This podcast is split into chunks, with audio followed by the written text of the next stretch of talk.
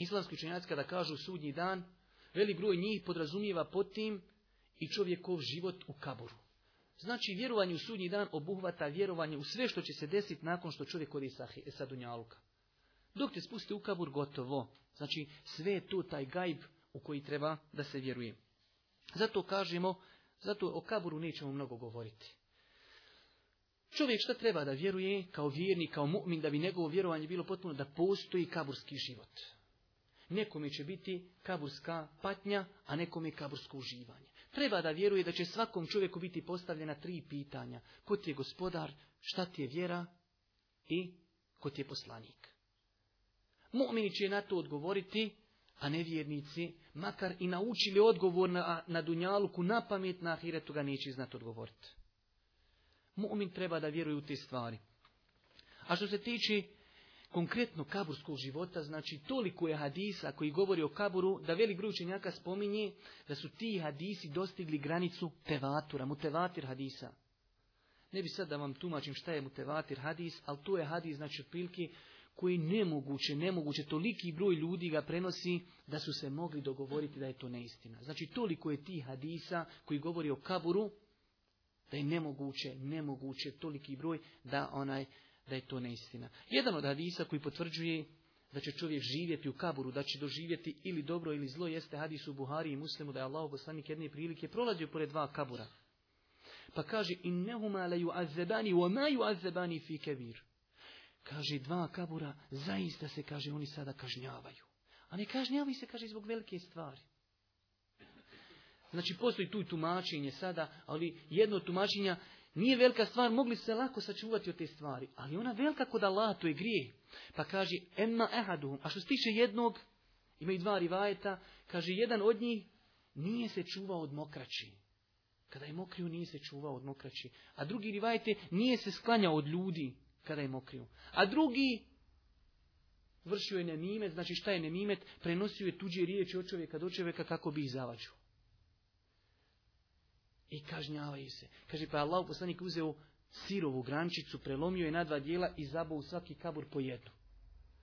Kaže, le'allahu anhu ma malem je besa možda će, kaže, ove grančice malo ublažiti nije patnju dok su one sirove, malo će ublažiti, kad se osuši, kaže, gotovo, opet patnja.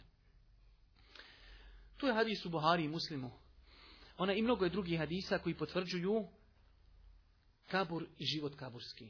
Toliko je ta bitna stanica za svakog vjernika, do te mjeri da je Allahu poslanik naredio da svakog namaza nakon proučenog etahijatu i salavata prije selama učimo dovu u kojoj se utječimo Allahu od kaburskog iskušenja. Čak kaže Ibn Abbas u hadisu koji ima muslim, kaže Allahu poslanik nas je podučavao u toj dovi kao što nas je podučavao u kuranskoj suri. Isto tako nas je podučavao tu onaj dovi, kao što nas suri podučavao. I kaže, kulu, recite, naredbena forma. I onda kaže, prva stvar, gospodaru, utječem se tebi od vatri, sačuvajmo od vatri. A odmah druga stvar, gospodaru, zaštiti me od kaburskog iskušenja. Gospodaru, zaštiti me od smutnje deđala i gospodaru, zaštiti me od iskušenja života i smrti. Hadis zabilježio, znači, ovaj rivajet muslima, hadis inače kod Buhari i muslima naredio i podučavu ashabe tome, kao što kaže i podučaje kuransku suru.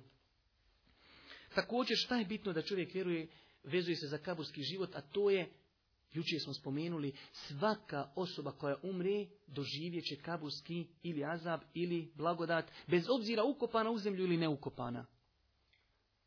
Ali zove se kaburski azab zato što većina ljudi je ukopana. Ali kada bi pretpostavili da čovjeka ostavi, ne ukopaju ga, i ostavi ga nakon da stoji na ledni, on osjeća kabursku blagodat ili kaburski azab. Do te mjeri čovjeka zapali ili čovjek, znači pojedu ga zvijeri, pola čuko, pola mace, pola... I on osjeća. Znači ispravno je mišljenje, kao što kaže komentator Tahavijske akide Ibn Ebil Iz. Osnova kaburske patnje je na, na dušu, ali i tijelo pati. On kaže na Dunjalku propisi se vezuju za tijelo, a duša nema nekih propisa na Dunjalku. Znači, svi propisi na Dunjalku se vezuju za tijelo. A kaže, u kaburu je obrnuto. U kaburu se belaj ili uživanje odnosi na dušu, ali i tijelo osjeća isto. A na ahiretu osjeća i duša, osjeća i tijelo. I to je ispravno uvjeđenje ili sunneta da, znači, Kabursku iskušenje ili blagodat se odnosi prvenstveno na dušu, ali se i osjeća znači i tijelom.